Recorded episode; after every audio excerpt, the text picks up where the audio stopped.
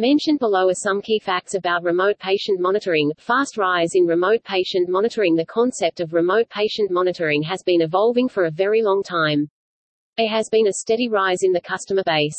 However, COVID has changed the growth rate to exponential. Several remote monitoring solutions have been created using new technology. This has enabled us to offer help to a huge customer footprint. Remote patient monitoring is so much more than a virtual visit to a doctor. This connected care is continual and it is transformed healthcare delivery hugely.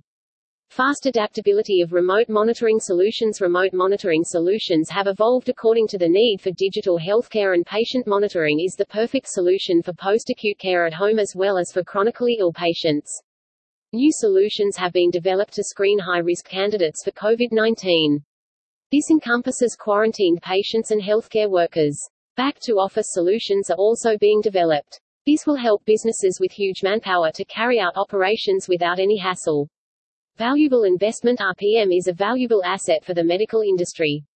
It not just minimizes hospital admission rate but also trims down the cost of chronic disease management. Because of the pandemic, it has become hugely profitable for the providers.